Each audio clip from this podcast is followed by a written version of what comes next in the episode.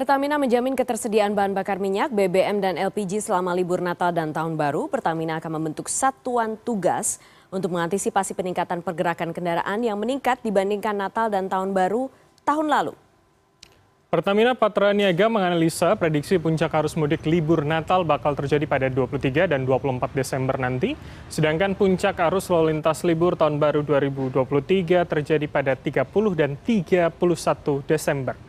Selama periode Natal dan Tahun Baru, jalur tol akan dilewati sekitar 2,73 juta kendaraan atau meningkat sekitar 2,6 persen dibandingkan dengan Natal dan juga Tahun Baru 2021-2022. Pertamina Patra Niaga akan memantau serta menyiapkan stok BBM yang cukup pada jalur lintas utama serta jalur wisata yang menjadi konsentrasi pengendara.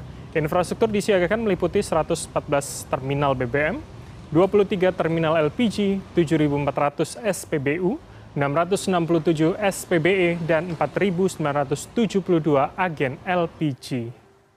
Satgas bentukan Pertamina akan mulai bekerja pada 15 Desember 2022 hingga 8 Januari 2023 melibatkan tim holding dan subholding Pertamina bersama instansi terkait seperti Kementerian SDM, Kementerian Perhubungan, BPH Migas, TNI dan Polri, Jasa Marga, dan juga Telkom Indonesia.